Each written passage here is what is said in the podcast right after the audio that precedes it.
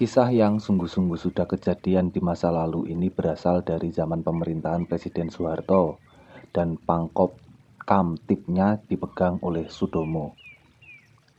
Ceritanya ialah tentang mikro level politik, bukan nasional level politik atau lokal level politik yang menyangkut ideologi dan partai-partai.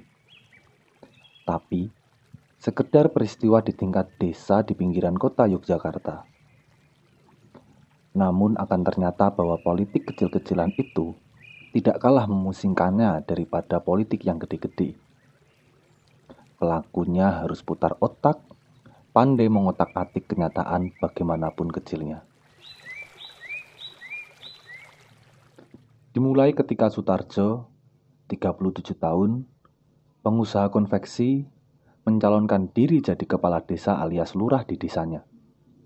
Pesaing terkuatnya adalah mantan seorang kapten TNI yang baru-baru ini pensiun, yang kabarnya akan menggunakan senjata pamungkas, yaitu asal-usul Sutarjo yang dianggap tidak bersih lingkungan, karena almarhum Bapak Sutarjo dulu terlibat G30S. Ujian tertulis dan lisan sudah pasti dipastikan bahwa dia akan lulus. Sebab ia mengantongi ijazah SMA, pernah duduk sebagai mahasiswa dan Camat yang sangat menentukan kelulusannya amat berhutang budi padanya. Camat itu telah dibantunya dalam mencantut uang sewa dolok yang kebetulan tanahnya adalah milik Sutarjo. Negara memerlukan tanahmu, kata camat. Jangan jual mahal. Tapi pak, tanah ini rencananya untuk ruko. Tempatnya strategis pinggir jalan besar. Demi pembangunan loh. Pada waktu itu kata pembangunan jadi hantu politik yang membuat Sutarjo berpikir dua kali untuk menolak permintaan camat. Maka, ia pun menyewakan tanahnya dengan harga sangat murah. Camat masih minta supaya ia menggelembungkan uang sewa. Cara sekarangnya disebut mark Coba tanda tangan nih kwitansi ini. Pinta camat. Lah, kok besar betul, Pak? Shh, tidak demikian. Nah ini, Indonesia itu kaya, punya bukit, punya hutan, punya laut, punya tambang. Loh apa salahnya saya ikut andar begi? Negara membeli pegawainya dengan harga sangat murah. Saya kira cara ini sah-sah saja daripada diberikan Cina. Kapan lagi mengambil hak kalau tidak mumpung ada kesempatan? Dan kesempatan hanya datang sekali seumur hidup. Boleh ambil asal jangan terlalu banyak. Ha, banyak juga boleh asal bisa merahasiakan. Maka semua permintaan camat diturutinya. Camat juga menjadi pemborong pembangunan gudang dolok yang ia tahu bukannya camat sendiri yang mengerjakan. Tentu saja harga bangunan itu juga digelembungkan. Ia tahu semuanya soal kong kali kong itu. Jadi mustahil ia tidak lulus. Sutarjo menggunakan tanda gambar padi, sedangkan pensiunan kapten menggunakan tanda gambar senapan. Padi dan senapan. Keduanya yakin pasti lulus. Sutarjo sudah diketahui alasannya. Sedangkan kapten, ya, karena ia bekas tentara. Dan siapa berani tidak meluluskan tentara? Orang mesti berpikir tiga kali menghadapi tentara. Maka, jauh-jauh sebelum hari-hari kampanye dan hari H, keduanya sudah mengadakan rapat-rapat dengan para kader. Atau disebut juga juru kampanye. Sutarjo yang juga sudah mendengar soal tidak bersih lingkungan menjadi panik. Maka ia pergi pada seorang tokoh yang dulu ketua Masyumi di desanya yang kemudian jadi ketua MDI dan sekarang anggota DPRD 2 mewakili Golkar. Pendek kata, tidak diragukan lagi keliayan politiknya bekas Mas Sumi kok tidak ke P3 tapi ke Golkar? orang itu jangan jadi pecundang terus. Sekali-sekali jadilah pemenang. Uh, gampang saja. Yakinkan para pemilih bahwa kau adalah cucu lurah. Kunjungi kuburan kakekmu, buat fotonya. Syukur ada video tip. Sebarluaskan. Kalau ada video tip, putarlah pada semua kesempatan jagungan. Bayen, midodareni bahkan takziah. Kakeknya dulu adalah lurah yang terkenal pemurah, rendah hati, suka penolong, dan sakti mandraguna. Sutarjo merasa lega. Ia mengundang tukang foto dengan biaya besar. Jer Basuki Mawobeyo. Ia juga mengundang kameramen dari TVRI dan membeli peralatan untuk memutar. Namun, ketika ia mengunjungi kuburan kakeknya, ladalah. Haram! Sirik! Teriaknya Kuburan itu penuh kemenyan dan bunga mawar. Ia menyuruh orang membersihkan kemenyan dan bunga itu. Kalau tidak, bagaimana meyakinkan para pemilih bahwa ia Muhammadiyah tulen?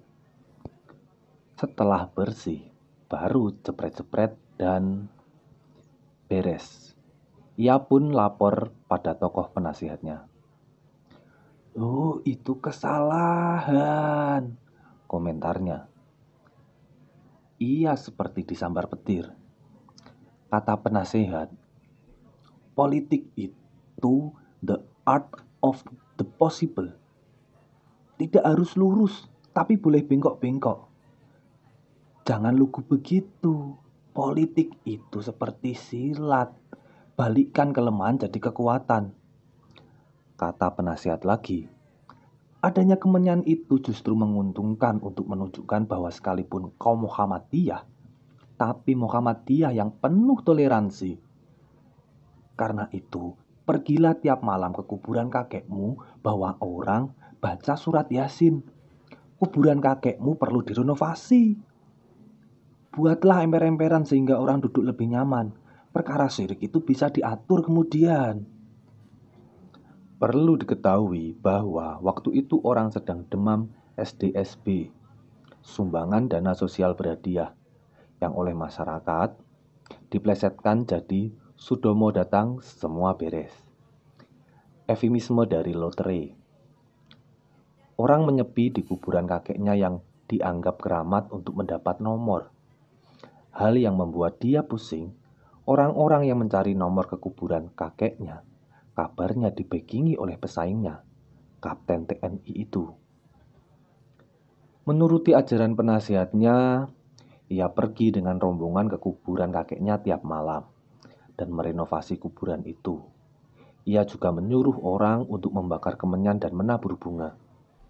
Dan setelah kemenyan dan bunga menggunung lagi, ia mengundang tukang foto dan kameramen.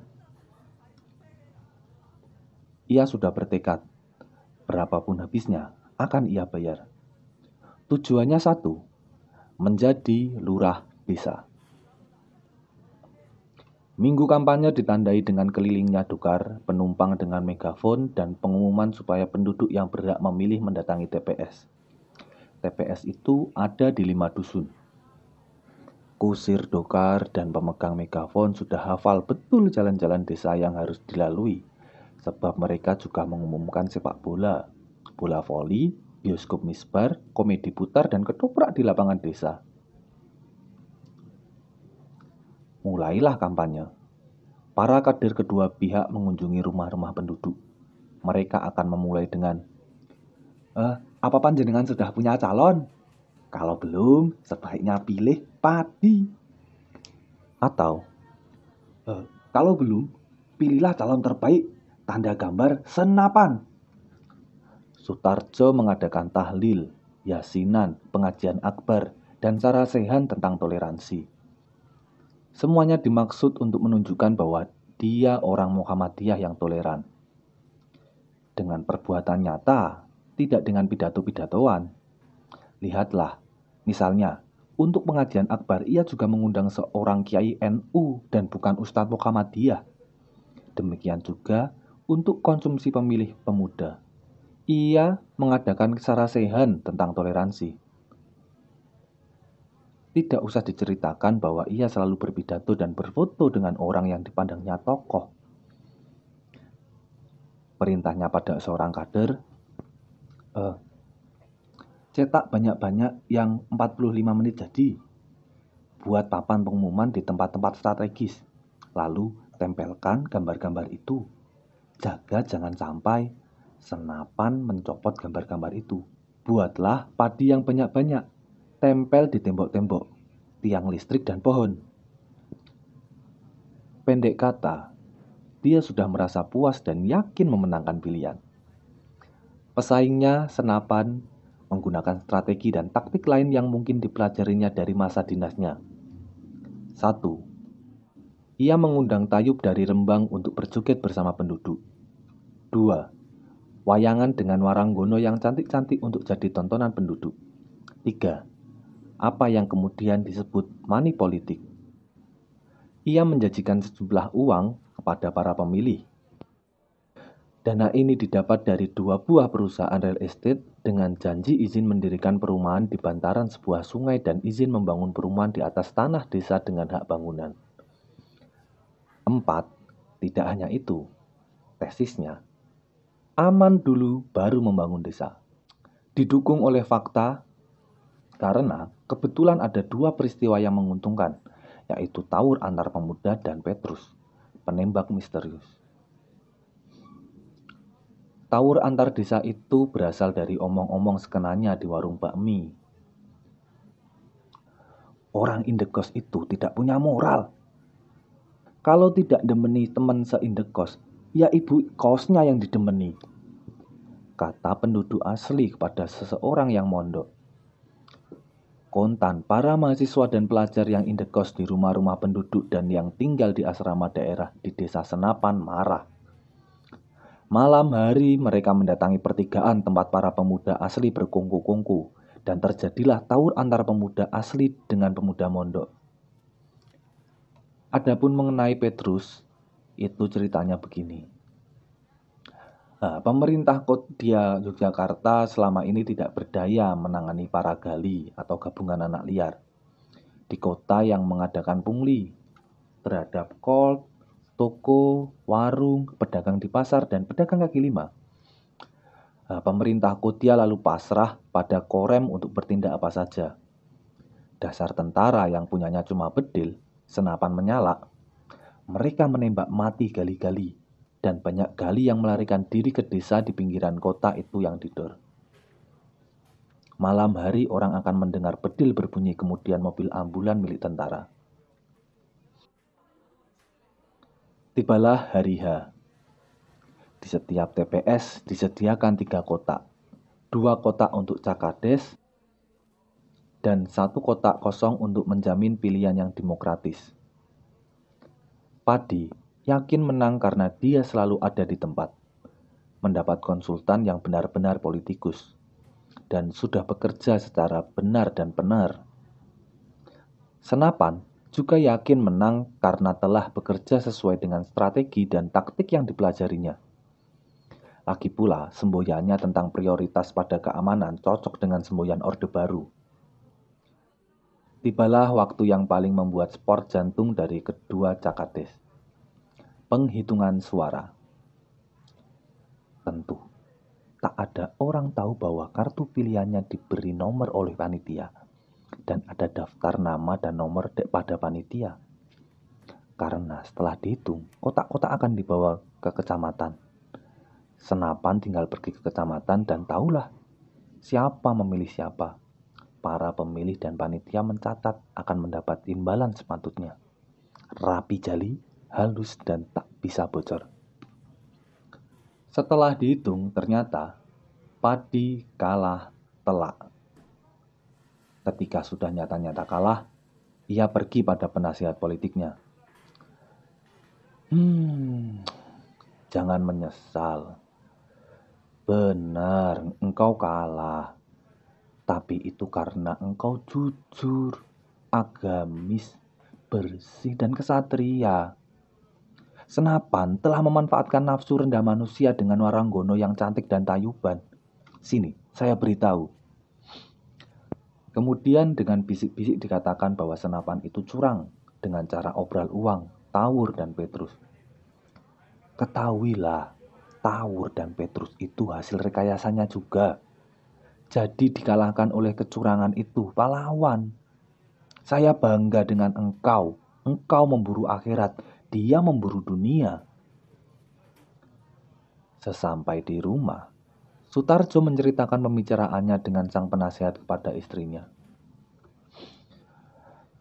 Saya kira engkau didel duel luar dalam, mas akhirat tidak, dunia gagal, NU bukan Muhammadiyah nggih mboten. Politis bengkok-bengkok meleset, orang agama jalan lurus ya urung. Komentar istrinya. Pokoknya bukan itu semua. Sutarjo suka menghibur diri. Saya kalah karena memburu akhirat, meninggalkan dunia. Sak bejo-bejo ning wong kang lali ya isih bejo wong kang eling lan waspada. Sebesar-besarnya keuntungan orang yang lupa diri masih beruntung orang yang ingat dan menjaga diri. Ia tetap bangga kalau teringat kisahnya jadi Cakades. Ia yakin benar, saya dikalahkan oleh kecurangan. Dan Alhamdulillah tidak jadi lurah, tidak usah korupsi. Dia sudah berusaha keras menghibur diri dari kecurangan orang lain. Politik secara nasional berpihak pada lawan. Terhindar dari kejahatan korupsi sampai tidak jadi lurah itu memang sudah takdir. Tapi tetap saja ia tidak dapat menyembunyikan kemurungan.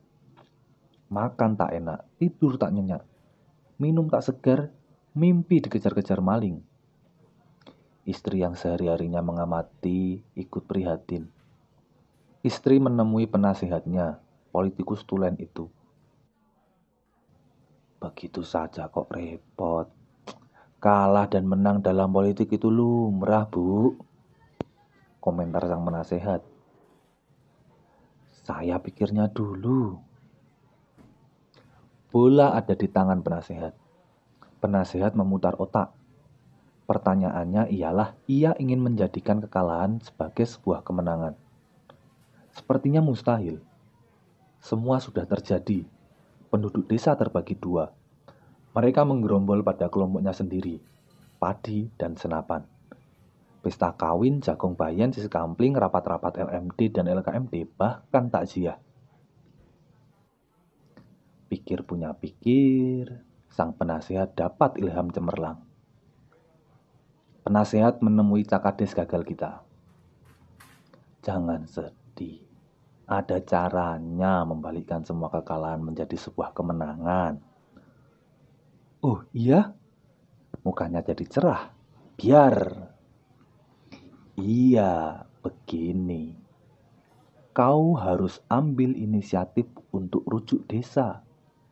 Berupa pidato dan makan-makan seadanya. Di tempatmu jangan di balai desa. Kumpulkan kader-kader kedua belah pihak wakil-wakil pemuda, mahasiswa, dan pelajar yang tawur. Nah, undang pimpinan kecamatan Muspika untuk hadir dan memberi sambutan.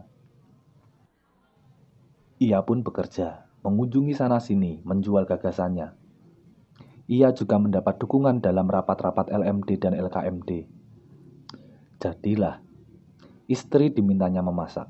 Seekor kambing besar disembelih. Rumahnya akan jadi rumah bersejarah di desanya. Undangan diedarkan pada hari yang ditentukan. Semuanya sudah lengkap, meja kursi, mikrofon, dan hidangan. Orang-orang berdatangan, Muspika datang, lurah baru datang meski agak terlambat. Tapi, loh, yang datang hanya orang-orang padi. Sutarjo tidak tahu bahwa kubu senapan mengadakan pesta kemenangan di balai desa. Tunggu punya tunggu, tidak ada lagi yang datang. Minum teh gelas keluar. Tak juga bertambah. Akhirnya acara dimulai. Pidato-pidato. Sutarjo mau menangis tapi ditahannya. Selesai. Hidangan keluar. Muspika pamit. Lurah baru pamit. Semua pulang. Orang senapan sudah menanti untuk mendaulat supaya Muspika kemudian hadir di balai desa. Sukses, kata camat ketika bersalaman dengan Sutarjo. Sukses, kata Dan Ramil waktu pamitan. Sukses, kata Kapolsek. Hati Sutarjo seperti diiris-iris. Tidak dapat menyembunyikan kekecewaan. Ia menemui penasehat. Bagaimana pak? Jadinya kok malah runyam begitu? Ya, itulah politik. Sekali menang, ya sekali kalah, sekali timbul, Nah, sekali tenggelam. Sekali datang, sekali pergi. Begitu ritmenya, tanpa henti. Hadapi ritme itu dengan humor yang tinggi. Nah, jangan kalau menang senang, kalau kalah susah. Ya jangan. Berbuatlah sesuatu hanya pada waktu yang tepat. Ketika momentumnya datang, pada saatnya. Kalau bisa, ciptakan momentum itu. Uh, jangan gigi mongso, jangan terlalu cepat, tapi juga jangan terlambat. Perlu perhitungan. Komentar sang penasehat enteng. Sutarjo tak kunjung mengerti. Kepalanya menggeleng-geleng. Kata mulutnya kemudian melongo. Yogyakarta 2003 Pelajaran pertama bagi calon politisi. Cerpen karya Kunto Wijoyo